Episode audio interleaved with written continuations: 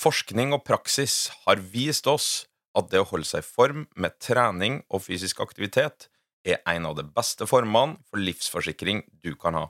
Men ingen av oss vet hvilke retninger livet tar oss i, og selv ikke trening kan beskytte deg mot uforutsette hendelser som brann og ulykker i hjemmet ditt, et sykt barn eller forsikre bilen din.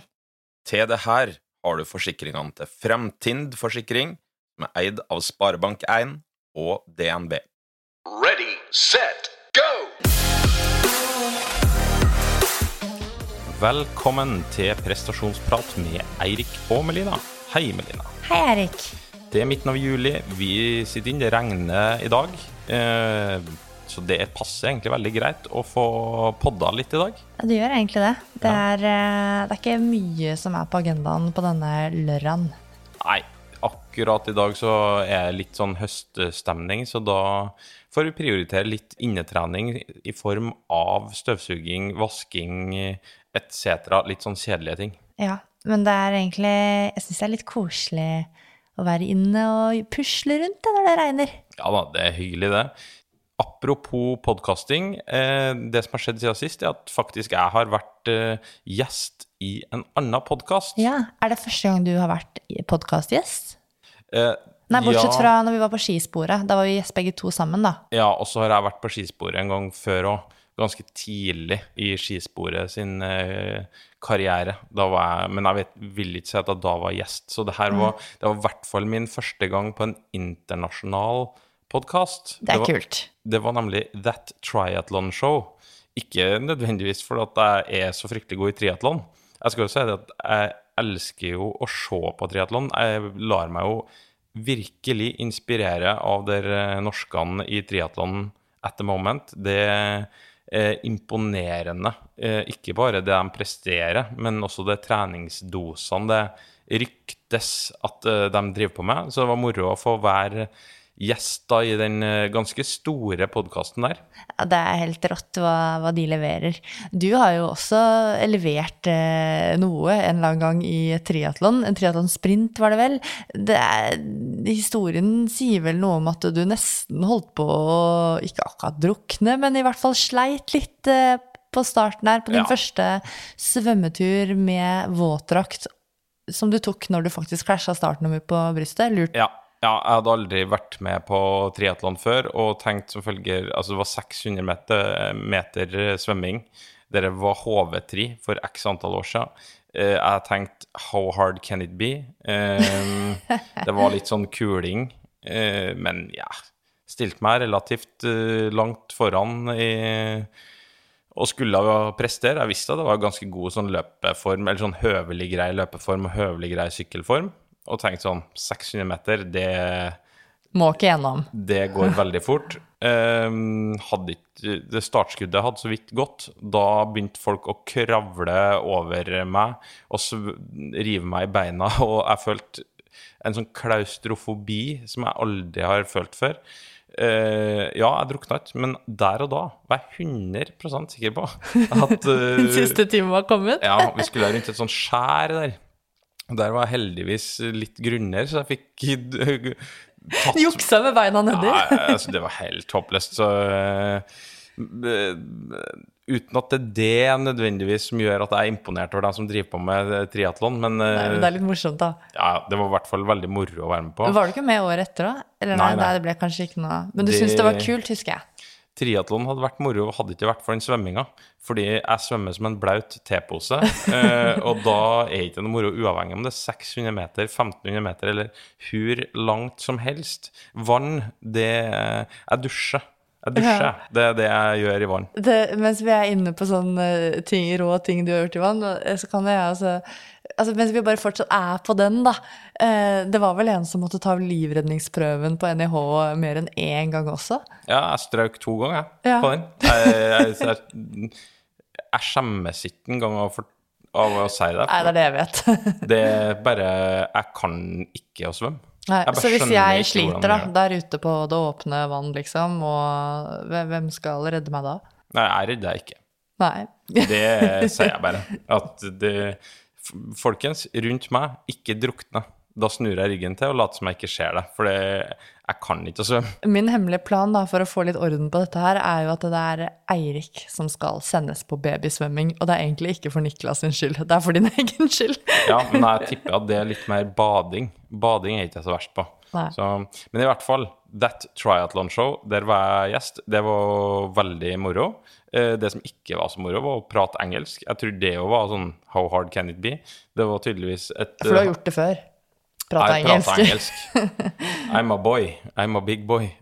Men det kom seg etter hvert. Men første halvdel, da vil ikke jeg si at det fysiologiske ordene som jeg er vant til på norsk, de, flaut, de kom ikke med én gang til meg. Det gjorde de ikke. Så det ble litt stotring i starten. Jeg syns du snakker deg selv litt ned. Jeg drev jo og tyvlyttet litt og syns egentlig det hørtes ganske bra ut. Men det er litt sånn å føle på selv, kanskje. Ja da, det, ja. det gikk bedre etter hvert. Men det var i hvert fall artig å være med i en annen podkast òg. Ja. Du var litt i gang med løping. Ja, det var jeg. Det begynte helt rått eh, med at jeg løp en Eller rått. Det, er kanskje å ta i. det føltes i hvert fall eh, veldig bra når jeg tok meg en eh, 10 kilometers runde med en del terreng og bare tenkte sånn eh, Fødsel, eh, brush it off. Liksom, det er null stress, joggedress. Eh, jeg er eh, er sånn cirka der jeg var, liksom, eh, på rolig langtur, tenkte jeg. Men så løp jeg jo kanskje litt for fort, som et resultat egentlig av at det pissregna. Altså sånn, kunne liksom ha badet, så jeg satte jo egentlig opp tempoet litt vel mye for å komme meg hjem, da. Og særlig når jeg tok over den vogna fra deg, så ble det liksom ikke akkurat en sånn slunketur eh, hjemover. Så jeg løp nok egentlig ikke for langt, men litt for fort siste halvdel, som resulterte i litt sånn eh, oppblussing av litt bekkensmerter igjen. Så nå har jeg da fulgt mine egne råd og rett og slett eh, tatt to-tre steg tilbake og driver nå med litt sånn introduksjon av løping. Vil si, jeg later som jeg skal lære meg å løpe på nytt igjen. Det er en prøvelse for tålmodigheten, og de som kjenner meg, vet at eh, Eller du som kjenner meg, Eirik, vet at ikke jeg er spesielt tålmodig, selv om andre folk tror at jeg er det. Ja, nei, det er du ikke. Nei, I hvert fall ikke i forhold til meg. Nei, nei, du er jo i overkant tålmodig. Men eh, nei, så da er det egentlig rulleski som gjelder eh, her, da. Ja. Eh, og så litt sånn småløping, bare sånn en nedjogg eller ja, litt løping her og der. Så det Jeg må egentlig bare Jeg til og med meldte meg på en sånn Strava-challenge jeg, med at jeg skulle løpe halvmaraton innen, innen juli var slutt. Men jeg ser at det ryker jo. Du har det med å melde Altså, jeg husker på to dager etter fødsel, så hadde du òg meldt deg på dere 17. mai-raton.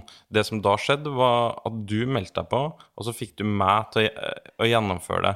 Nå har du meldt deg på halvmaraton, og åpenbart ikke klarer å gjennomføre det. Og da skal du ha meg til å gjennomføre det igjen. Ja, ja, selvfølgelig. Men altså, jeg gjennomførte jo 17. 17. mai-maraton, men jeg skjønte jo såpass at ikke jeg kom til å klare 10 km. Eh, og jeg hadde tenkt å gå disse 10 km, altså ikke eh, Skal ikke høres helt crazy ut her.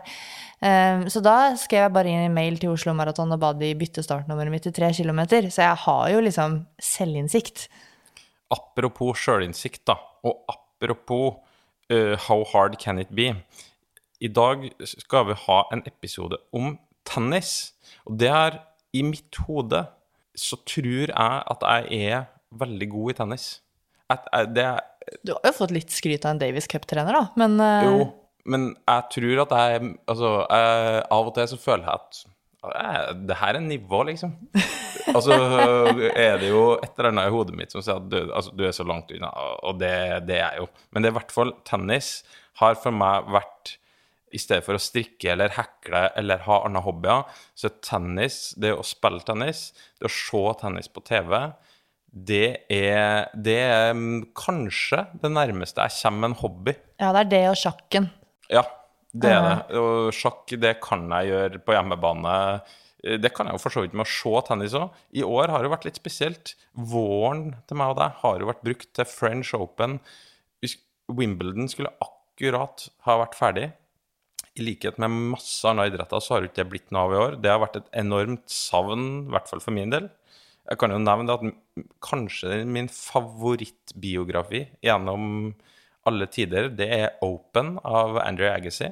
Så tennis, eh, det står mitt hjerte ganske nært, da. Ja, og den, den boken som du nevner, Open, den kan jo egentlig anbefale eh, alle å lese. Hvis man har lyst til å lese om liksom grit og det å hva er det norske uttrykket for det? Um, det handler liksom om å jobbe for målene sine, da, selv om ting er tøft. Og han hadde en ganske, det var ganske harde bud da, gjennom hans oppvekst. Så det er en ganske interessant bok å, å lese, som man blir veldig inspirert av. Og tennis er egentlig noe som du og jeg, Erik, har liksom Plutselig fant vi ut at det var noe vi begge to var interessert i. Eh, Ja. Utenom langrenn og, og løping. Så vi har jo egentlig kost oss masse, masse med å følge turneringer. Og jeg fikk jo etter hvert for Det er jo mange år siden nå, da. men under ledelsen til Marcella Cruz så har jeg faktisk jobbet som fysisk trener innenfor tennis. tennis. Eh, gjennom da Tennisforbundet, hvor målet med da det initiativet eh, var å skulle produsere At man skulle produsere en Grand Slam-spiller innen x antall år. Og eh, en som var i den treningsgruppa, var jo Kasper Ruud. Som eh, har fått lov til å få innpass i Grand Slam-turneringene. Så man Han har ikke bare fått lov og fått innpass, altså han har jo også Han har kvalifisert seg. Eh, Virkelig. Altså, han er vel eh, blant verdens topp 40 ranka spillere. Og det før eh, den tiden det var mål om, så det var kjempespennende. Og Kasper og jeg har fått lov å jobbe med også innenfor spesifikt på bevegelighetstreningen. Um, så tennis har på en måte For meg er det liksom Det ikke, har, ikke bare vært en hobby, det har også vært en del av eh, jobbhverdagen min. Eh, nå jobber jeg ikke med det lenger, men eh, det er utrolig spennende å følge med på. Og jeg tror også det er en sport som veldig mange tror er Altså, De har spilt litt badminton og tenker at tennis ikke er så langt unna å stå liksom på gresset ute i hagen og slå frem og tilbake til hverandre med en badmintonracket. Og nå er badminton også en tøff idrett. Men tennis er virkelig utrolig fysisk krevende. Det er komplekst. Det krever et spekter av fysiske og mentale egenskaper. Du er alene ute på banen der, alle ser på deg. Det er, liksom, det er, det er press på mange forskjellige måter da, med tennis. Det er veldig, for meg en veldig spennende idrett å, å følge med på. Jeg, i motsetning til deg, tror ikke jeg er god i tennis. Jeg er ganske dårlig. Jeg trenger flere tennistimer. Men det er, det er noe jeg liksom har tenkt å plukke litt opp, altså, med åra.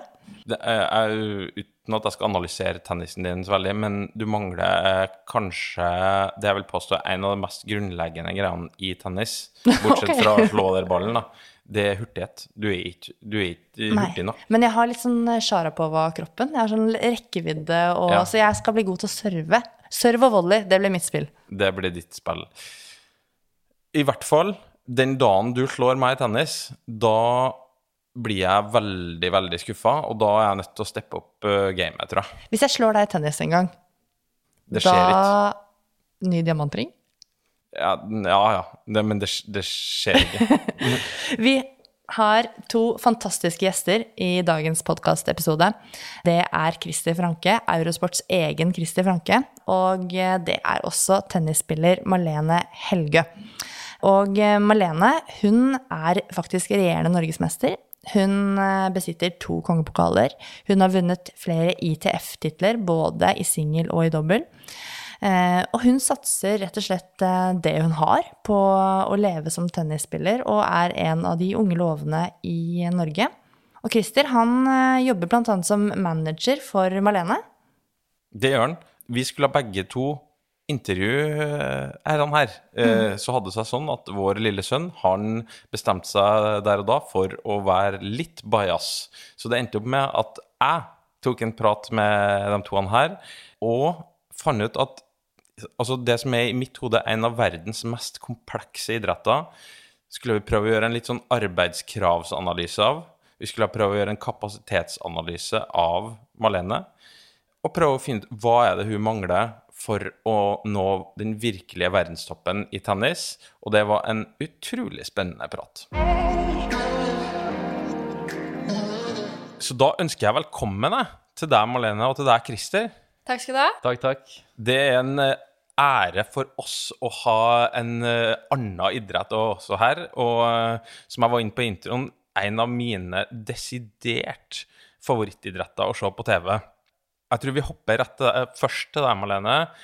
Og for våre lyttere, kan du ta og introdusere deg sjøl på eh, hva du heter og hva du driver på med, og gjøren og laden? Ja, jeg heter Malene Helgø. Jeg er 20 år og spiller profesjonell tennis. Og når du spiller profesjonell tennis, det betyr at det liksom Det eneste du driver på med, er å spille tennis. Mm, 100% dedikert til tennisen. Ja. Er, øh, er du født og oppvokst i Oslo?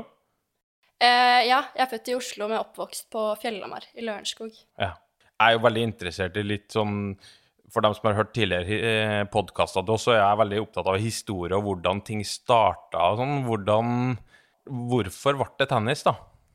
Eh, Jeg startet egentlig fordi pappa spilte tennis. Ja. Uh, og han er lege og ville ikke at vi skulle begynne med noe sånn kontaktidrett. Jeg var veldig gira på fotball og håndball, men han ville holde oss unna det, da. Så ble det, tok han med meg og min storesøster, faktisk, som er to år eldre enn meg, på banen. Og så ble det bare Jeg bare likte det fra start, og så ble det bare mer og mer. ja. Uh, så det var et bra tennismiljø rundt deg når du vokste opp, da?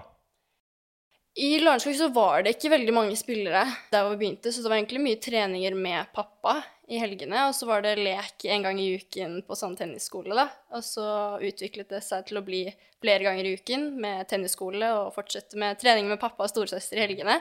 Så det var veldig lite junior der i Lørenskog, så det utviklet seg jo fra ja, Lørenskog til å flytte til Furuset, hvor det var mer eh, miljø for juniorer, da, og ja, flere å trene med da jeg var rundt tolv. Og på den veien her, da, på et eller annet tidspunkt, så eh, For å bruke et uttrykk vi hadde i den episoden med skateboard, på et eller annet vei så gikk du pro og, og ble profesjonell oppi det her, da.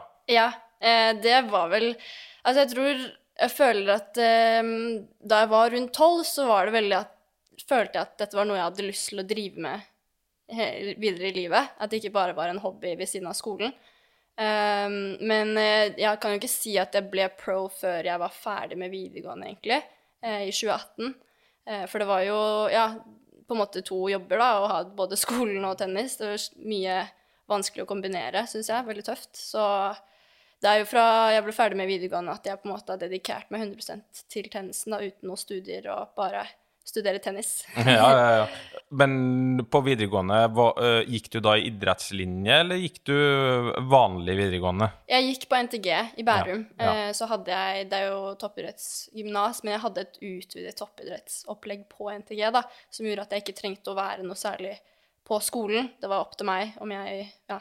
Og så hadde jeg prøve, kom jeg jo på skolen for å ta prøver og sånn, da, eksamener og, og sånn, men jeg leste alt for meg selv, så det var jo på en måte privatist videregående, da, jeg kjørte.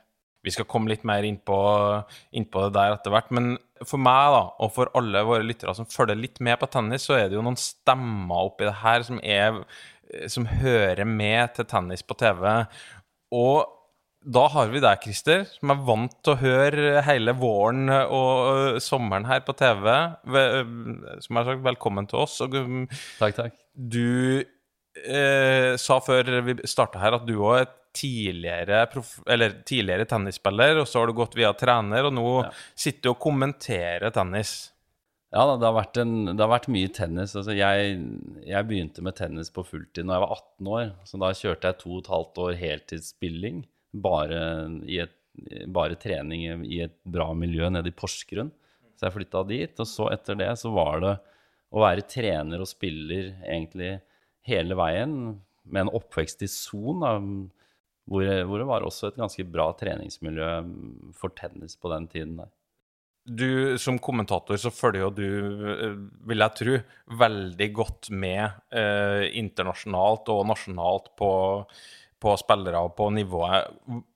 Sånn Norge historisk sett i tennis, hvor eh, Nå føler jo jeg at det for, for første gang er faktisk litt tennis i norsk media, men hvordan har det her vært historisk sett? Ja, du har rett i det. Det er, det er mye mer i media nå. Takket være Kasper Ruud så, så har det blitt skrevet veldig mye mer. Vi hadde jo faren hans Christian, som også var topp 40 i verden. Um, da tror jeg ikke nordmenn hadde fått eh, øya helt opp for tennis, og da var det litt mindre, selv om han var kjempegod. Vi har også hatt spillere før det. Bent O. Pedersen, kvartfinale double, US Open og andre bra. Men, men det er først eh, at Norge har blitt oppmerksom på tennis som en stor internasjonal, internasjonal idrett, at, at det har blitt skrevet mer om, vist mer på TV. Og, og Kasper er jo en, en veldig sånn utadvendt og flink person med media, så han er, eh, er på en måte litt lettere å selge og er blitt blitt veldig, veldig synlig. Han har vunnet en turnering og sånn på ATP, og han har, han har vært banebrytende egentlig i norsk tennis. Ja, du, det, du er inne på et eller annet her. På, altså, jeg, jeg kommer jo fra langrennsverdenen, og jeg har aldri vært noe fan av det å sammenligne størrelser, hvordan idretter er i verden, og eh, hvor god er han sammenligna med han i forhold til På tvers av idretter. Men altså, tennis som verdensidrett eh, altså, Hvis du tar Federer, du tar Nadal, du tar Djokovic, eh, Serena Williams altså, Det her er jo altså, Det som Solskjær, og det som Cantona, og det Altså, det her er store idrettsutøvere. Ja, tennis er, er veldig stort internasjonalt. Det er enormt mange utøvere. Det er, jeg vet ikke om vi sier på verdensbasis at det er 300 millioner spillere eller et eller annet. Det, er, det ligger rundt der. Bare i Sverige så er det en halv million som spiller. Vi i Norge er 25 000, eller 27 nå, 1000 registrerte. Så her er det fortsatt ganske lite. Men, men du snakker om størrelsen og nivået på turneringer. Bare i Frankrike 12 000 turneringer. Det er, det er turneringer overalt i verden. Du kan dra eh, til Mongolia, du kan dra altså Uansett hvor, så finner du en eller annen tennisbane eller turnering, og du finner spillere. Og det er så mange som er på, på ATP, herrene og damene, som satser på dette her.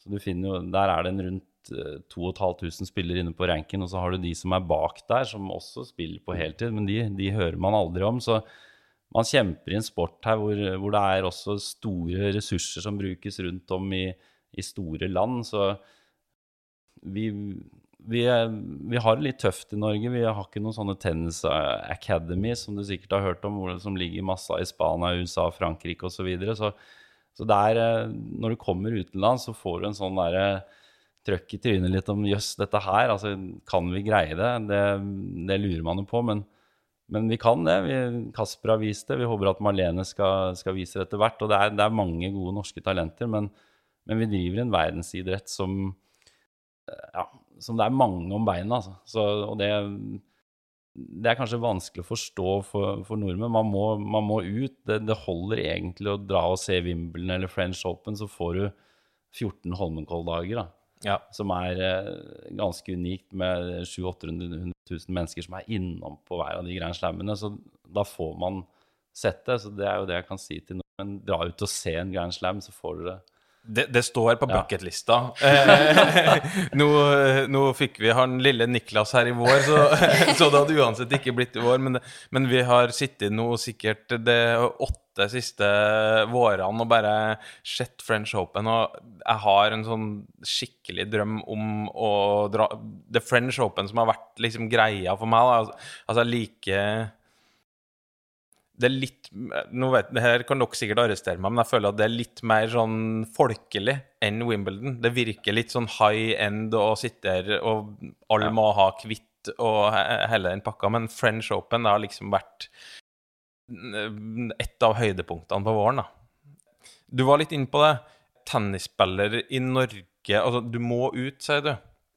Eh, da kan du, Malene, prøve å svare litt på det. Altså, betyr det at hvis du kun skulle ha vært i Norge, da, eh, og, og dratt ut og spilt litt turneringer og, og sånn der, men det hadde nesten vært umulig?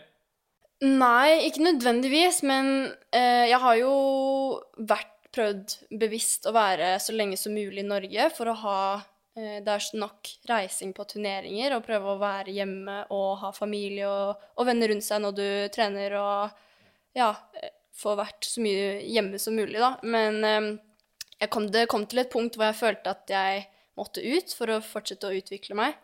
Um, for å ha kommet til et prestasjonsmiljø er jo noe av det jeg har savnet mye i Norge. da. Det er veldig få som satser profesjonelt. Eh, veldig mange drar på college eh, til USA. Eh, og ja, så jeg eh, er veldig fornøyd med opplegget jeg har i Belgia, med beste, ja, beste opplegget og mest profesjonelle og veldig flinke trenere. Så, Og også ja, mange spillere som har samme mål som meg, og som jeg kan trene med. Ja, for da vil jeg tro det er litt sånn tankegang fra flere idretter. Altså det, å, det å få matching, da. Det, det er veldig mange hver, altså det er flest hverdager, bruker min mor å si. Altså, da får du matching i hverdagen. Da er det ikke kun på, i konkurransesammenheng du får matching, men du har noen rundt deg hele tida som, for å bruke et folkelig uttrykk, gir deg litt juling, da. Mm. Og det, i hvert fall i min idrett, så er jo det noe av det viktigste å ha rundt seg. Jeg vet ikke om du òg ser det litt sånn? Jo, jo, det er jo på treningen hvor det du skal utvikle deg først og fremst for, for å spille match, så jeg er veldig fan av at det viktigste egentlig er hverdagene, som er altså utenfor konkurransesituasjonen, at det er ja, viktig å, å ha bra trening da. Jeg syns jo det er veldig interessant det du er inne på her med i forhold til treningsmiljø og, og den biten. Og jeg drar jo parallell Prøver å dra en parallell til min idrett, som er langrenn.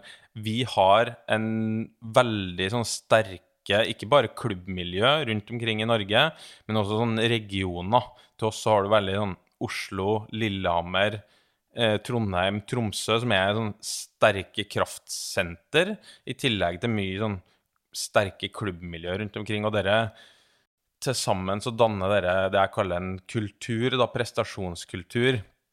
Og så vidt Sånn som jeg skjønner dere, så er, i Norge så er, er ikke noen sånne sterke miljø til å på et vis holde på sånne som Malene, sånn at hun er mye i Norge og kan utvikle seg her, da. Hun må til Belgia.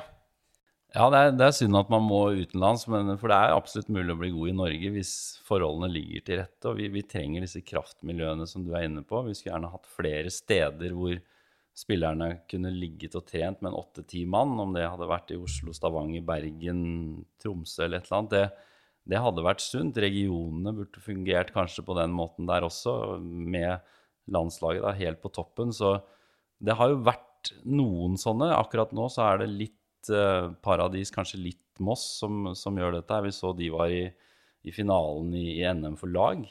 Eh, Marlene har vært en del av det med Furuset. Eh, jeg holdt på sånn nede i Porsgrunn når jeg spilte på heltid, så det, har vært noe. Men per i dag så, så er, det ikke, er ikke sånne miljøer bra nok og store nok, så det, det trenger vi. Ja, og du var inne på det i starten, men du, du ble dratt med av far din, som ville at du skulle ha spill, og, og på et vis danna da et lite miljø med dere, og så var du en del av NTG-systemet. Men sjøl der, da, i junioralder, så drog du jo rundt og konkurrerte, og sånn som jeg forsto på deg, var det ikke så mye i Norge. Hvis at du hadde hatt på plass et, et slags sånn et større kompetansemiljø i Norge, hadde det vært natu mer naturlig for deg da å prioritere å være hjemme? Ja, så klart. Hadde det vært eh, mange spillere å trene med og ja, et sånn prestasjonsmiljø her hjemme, så hadde jo jeg så klart ville være i Norge. Um, men jeg var jo jeg var jo hjemme i Norge til, uh, og trente til i fjor sommer.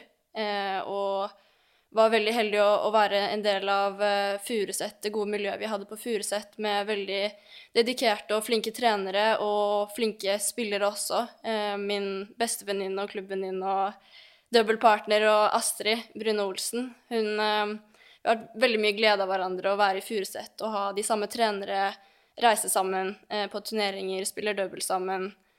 Så jeg har desidert kommet fra den beste klubben i, ja, i Norge, og klarte jo både Astrid og jeg komme oss opp i verdenstoppen som klubbspillere i Furuset, noe som er ganske Hvis du sammenligner med de vi har spilt mot, så har jo de kommet Mange av de har jo hatt et utrolig proft og bra opplegg siden de var 13 år eller enda tidligere, eh, med, med ja, mange trenere og familie som alltid reiser med, med dem og sånn. Men vi har jo reist mye, mye på egen hånd, og, ja, men også med trenere fra Furuset. Mm.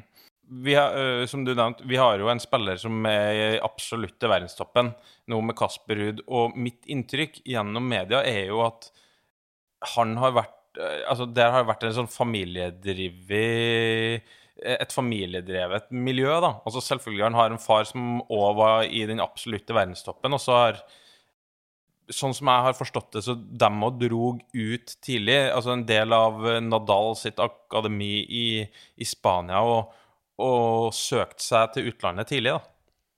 Ja, det er riktig. Men jeg, jeg kjenner Christian ganske godt fra min tid som spiller. Jeg, jeg vet at han, han, holdt Kasper i Norge helt til han slo alle. Og den dagen han slo alle her hjemme, så var det på tide å dra ut og spille mer. For det er en del brukbare spillere i Norge som man kan holde seg lenge. men men de dro ut tidlig. Du må få matching. Og det er jo, det er jo sånn at skal du spille disse internasjonale Grand Slam-turneringene, så, så, må du ut av Norge. Så du, så du må ut og, og matche deg. Det, det, er klart. Og, og miljøforandringen, å være rundt spillere som, som er, er, proffe, som kommer tidlig, varmer opp, gjør sine rutiner, snakker tennis, det, det er viktig.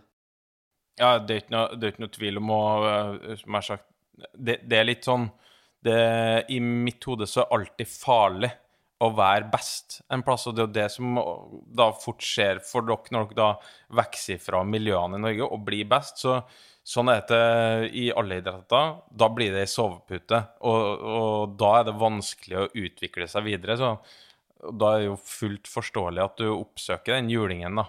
Men i Belgia, der du er mye nå, hvordan er liksom systemet der? Altså, du, der har du trenere, der har du andre i ja, på ditt nivå og sikkert og kanskje bedre, som du daglig trener med, eller går det litt på sånn samlinger? Uh, nei, er, jeg har jo som du sier tennis, både tennistrener og fystrener der. Også fysio på stedet, på klubben. Så, og, og mange flinke juniorspillere. Det som er fordel som jente, er at jeg kan spare med gutter og få bra trening, da. Mm. Så det kunne jeg fått her hjemme i Norge òg, men så er det jo Det er ikke helt realistisk for oss å alltid spille med gutta, for det er jo litt annerledes, annerledes spill. De spiller med mer spinn, gjerne, og server kanskje litt hardere, og det blir ikke helt realistisk å bare trene med gutter, selv om, det, selv om man kan det. Eh, men det er eh, jenter som ligger høyt ranket på VTA, som jeg får trene med der i, i Belgia, og flinke juniorspillere, gutter annet. Så det er mm. Eh, nok spillere å spille med alltid som er, er, der. Man har jo veldig forskjellig schedule da, på mm. noen alle reiser til ulike tid på turneringer. Mm. Så um, det er jo det som er vanskelig her hjemme, da, at du kan komme, og så er det ingen hjemme fordi folk er på turnering, mens der mm. er det alltid noen å spille med. Ja, og det vil jeg jo tro er mer Altså, du er avhengig av å ha noen på andre sida av banen. Ja, det er, er vanskelig å stå med, med, en vegg. Du kan selvfølgelig sikkert stå og serve litt, men eh, det kan du ikke gjøre i flere ganger hver dag i, i ei uke. Da blir det dårlig trening. Mm. Og det, det trenerne du da har der, er de med å liksom koordinere konkurranseopplegget for deg? Koordineres det sammen med f.eks. dem du matcher deg mot? Sånn at du, det alltid er noen Eh, hjemme, og det er alltid noen ute? Nei, eh, det er en individuell sport, så det er ut, man koordinerer ut fra hva som passer seg selv. Eh, men det får jeg hjelp av, av treneren min til å ja, sette turneringsplan og når jeg skal ha treningsperioder og sånn. Og så trenger vi Det som er fordelen der, er at det er alltid noen der å spille med. Eh, så trenger du ikke å koordinere med de som er ja, jenter på min alder og sånn, for det er alltid noen ja, å spille med. Mm. Det heter seg jo det at uh, all PR er god PR, og denne våren uh, har jo vært spesiell på veldig mange måter. Uh, men for oss som følger med litt i media, og spesielt sportsmedia, så er det jo ikke noe tvil om at tennis har hatt en liten renessanse i norsk media. Det har vært, sånn som jeg ser det, litt sånn sak på sak på sak, med en litt sånn negativt fortegn hva gjelder Tennisforbundet. da. Og uten at vi skal gå i detalj på alle saker, men det har vært, det har vært mye negativt. Jeg vet ikke om du Kristi, kan på et vis si noe om det her? Altså, jeg tror det har vært mange i norsk tennis som har hatt meninger i mange år. Men jeg tror også at mange føler at de ikke har sluppet til med disse meningene. Så det er tydelig at det har ligget og ulma litt eh, en del år. Og så plutselig så har det eksplodert da, med, med, alt mulig som kommer ut i media. Mange har synspunkter på, på det ene og det andre. og tydelig så er det behov for en liten opprydning da, i, i, NTF. Å få ting på bordet, hva man faktisk jobber med, resultater osv. Så, videre. så de har jo hatt en, et sånt møte etter hvert også, hvor de har sagt hva de skal gjøre. Nå tror jeg ikke det ble noe gransking som det var meningen at det skulle være, eller noen ønsket at det, det skulle skje. men det, er, det, går på lønninger, og det går på alt mulig som, som forbundet har eh, holdt på med da i mange år. Mm. Men tror du det her Også på et vis kan en jo si at det er jo eh, inn på det at alt er god PR. Det, kommer nok også sikkert litt fordi at tennis faktisk har også begynt å være i media med positivt fortegn. Det er jo ikke noe tvil om. altså fordi, eh, Vi har allerede vært inne på Kasper. Vi har kanskje spillere som er mer i vinden enn før, da, som gjør òg at dere Sånn som jeg kjenner det, så er det ønsker media og både positive og negative saker. Det er de greiene som selger. At det er ikke sikkert at det her hadde fått noe spalteplass for, la oss si, to år siden. da. Det, er, det er jo et tegn på at norsk tennis er sterkere, at, at, at man kanskje stiller litt større krav, at sånne ting kommer fram. Så jeg tror kanskje det er positivt, ja, at, at det er en sånn opprydning, at folk tør å si fra. At man, man tar litt ting innover seg, at man er åpne og, lydhøre for hva, hva grasrota sier. Da. For det, det er viktig å høre på. Vi, vi, har mange ting vi kan bli bedre på i norsk tennis. Vi har ting som har blitt bedre også. Altså, så det er både pluss og minus her. Så må man brette, ut, brette opp armene og se hva vi kan jobbe med. F.eks. med bredde, anlegg osv. Flere utøvere. Det er mange, mange ting vi kan bli bedre på. Treningskultur osv. Ja, det der er jo Jeg kjenner meg veldig igjen i det også. Du har jo eh, et, et særforbund er jo i seg sjøl avhengig av klubber og de miljøene rundt, og alle her sitter jo da med egne meninger om hvordan den potten med penger som finnes da, totalt, skal fordeles. Eh, også om å, å, slags finne en måte hvordan for, foredles den krona her om til en best mulig prestasjon på kort og på lang sikt, sånn som jeg ser det. Og, og veldig mange sånne saker som det her bunner jo ned i økonomi og fordeling av penger, da, sånn som jeg ser det. Jeg er enig i det, og det er jo nok det som folk eh, kanskje reagerer på hvis de ser lønninger. At de, de skulle kanskje sett at flere penger går direkte ut til idretten. Vi vet jo hvor mange spillere som får støtte osv. Nå har jeg skjønt at det er mindre støtte, det vet du sikkert mer om enn meg, Marlene. Men, men eh, jeg tror det er viktig at, at uh, man er tydelig på hva som går ut til til sporten. Da. At folk får vite det. Hvem er på landslag, hva får du, hva er kriteriene osv. Hva pengene går til. Er det bredde, er det topp? Mm. Ja. ja, og den fordelings... Det er jo helt sikkert en fordelingsnøkkel der, og det er jo i i hvert fall vår idrett så ser vi jo det er ingen topp uten bredde, eh, og det blir ingen stor bredde uten topp. Så det, det, det der er jo en vanskelig balansegang. Men da kan vi jo dra det over litt. For at dere reiser jo mye, og har reist mye i mange år. Det, turneringer, er det Er du avhengig Altså, må du betale alt sjøl av reisa? Ja, det er, eh, som, som, man forstår, veldig dyrt å holde på med tennis. Det er mm. mye reising og ja, flybilletter, hotell, og du skal betale for trener. Hvis du har med deg det på reise, så skal jo han ha lønn i tillegg.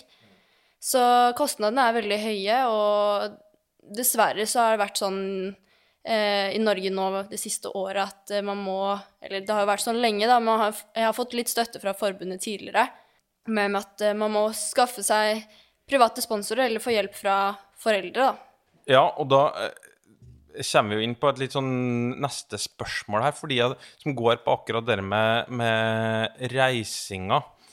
Og eh, dere må igjen uh, correct me if I'm wrong.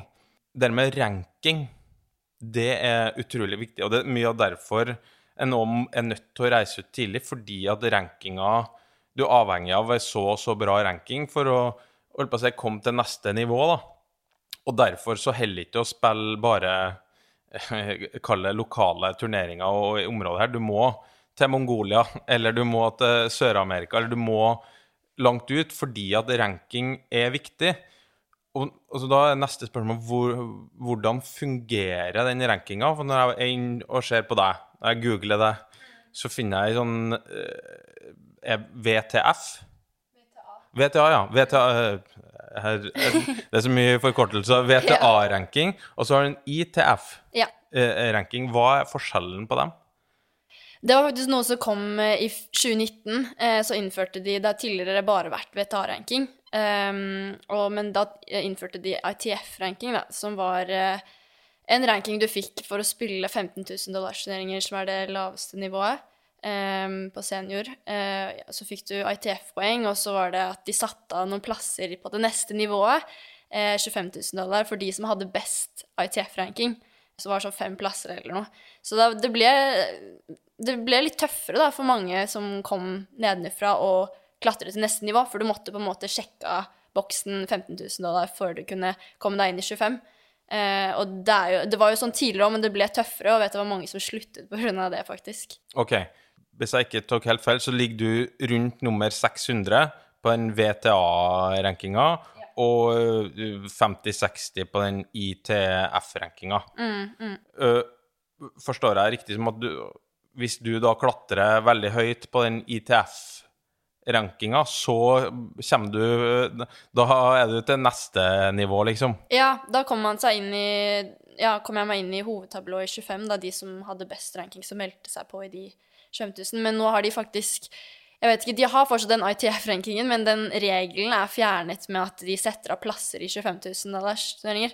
Okay. Så det var mye opprør mot akkurat det nye opplegget som de testet. Mm. Så det er egentlig det er VTA-rankingen som gjelder. Det er den jeg vil ja. bli best på. Når vi sier 25 000 dollar, så blinker jo dollartegnene i det, det, det betyr jo ikke at du får 25 000 dollar bare for å være med her, eh, eh, vil jeg tro. Nei. For da er jo plutselig ikke noe problem. Og, og, men det er altså da hvor mye du får for å vinne de ulike turneringene. Nei, det er 25 000 dollar som er i potten. Sånn er det. Så er det fordelt på alle spillerne, så til og med dersom du taper i kvalifiseringen, så får du litt penger. Så det er eh, langt ifra 200, eller 25 000 dollar til vinneren. Så det er derfor det er eh, Ja, du må opp og, og spille høyere og høyere turneringer for å tjene mer og mer, da. Det skjønner jeg. Og så vinner du da eh, Wimbledon om noen år, så, så lar det seg høre. Ja. Da er klingende mynt i kassen. ja.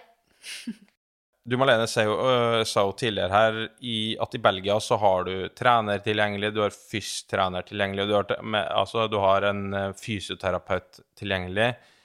Hva er liksom Hva er, mm, hva er du trenger rundt deg av støtteapparat for å, å fortsette framgangen og for å utfordre deg? Du trenger jo i hvert fall en tennistrener, og så trenger du en fystrener. Eh, Det er vel kanskje de to viktigste trenerne å ha. Men eh, det optimale, det er jo Tennis er jo en veldig bred sport på den måten at det er veldig mange aspekter. Det er veldig mental sport. Eh, Så mentaltrener er jo Jeg har akkurat begynt å, å jobbe med han Bertrand, og syns det er fått utrolig mye positivt ut av det. Um, og merker jo hvor viktig Alle som spiller tennis, skjønner jo hvor mentalt det er, da. Eh, så skulle- mentaltrener er også ja, viktig å ha, egentlig. Og en manager som kan Det er veldig mye administrativt arbeid eh, som tennisspiller, eller mye som skal gjøres. Og, og bare kunne fokusere på det du skal gjøre på tennisbanen og trening, og at noen andre tar seg av eh, å jobbe med få sponsorer og, og media og alt det der, så er det optimalt å ha manager også. Men hva er det trener kontra fystrener, da? Det ligger jo litt i ordet, men hva er Du kan jo fortelle sjøl, hva er det ulike rollene utfordrer deg på? Eh, tennistrener er jo med meg alltid når jeg er på banen og spiller og, og trener. Eh, mens fystrener er jo mer på en måte det utenfor banen, det arbeidet i styrkerommet eller kondisjonstrening, hurtighet, eh, spenst, alt det på en måte som eh, man bør jobbe med på siden for å bli en ten bedre tennisspiller, da.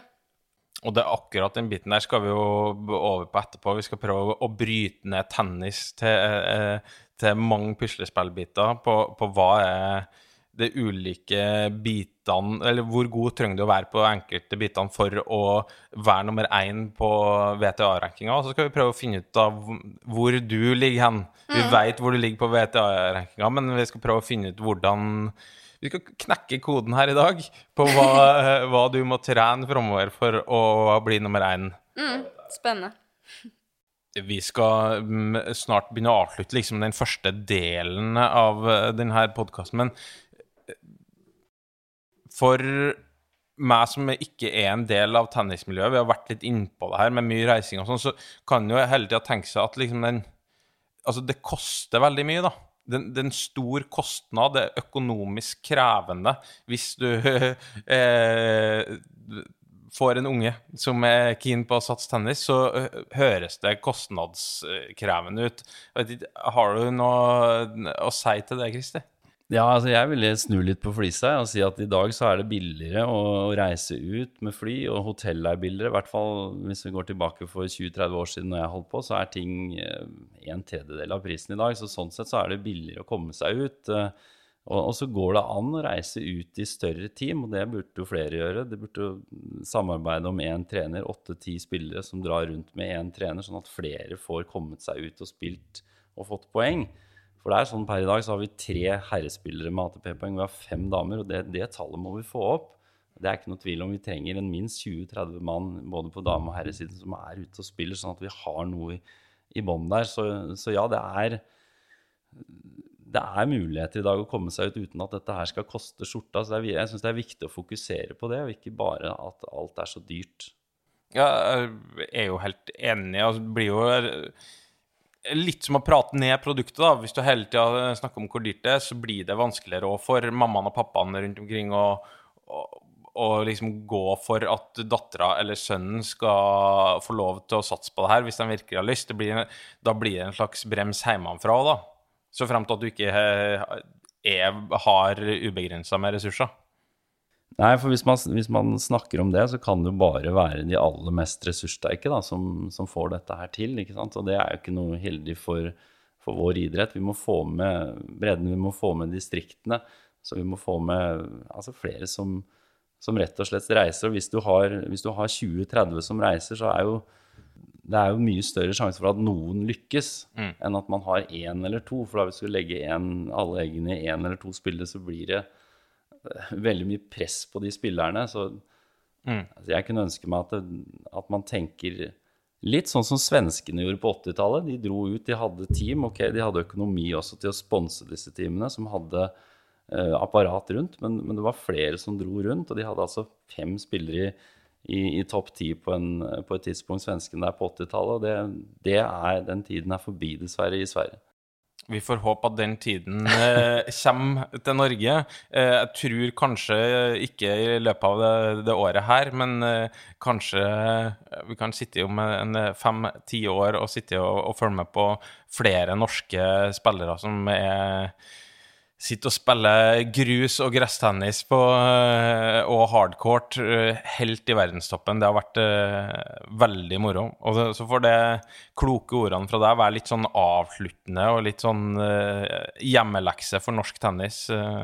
så med det avslutter vi del én, tenker jeg.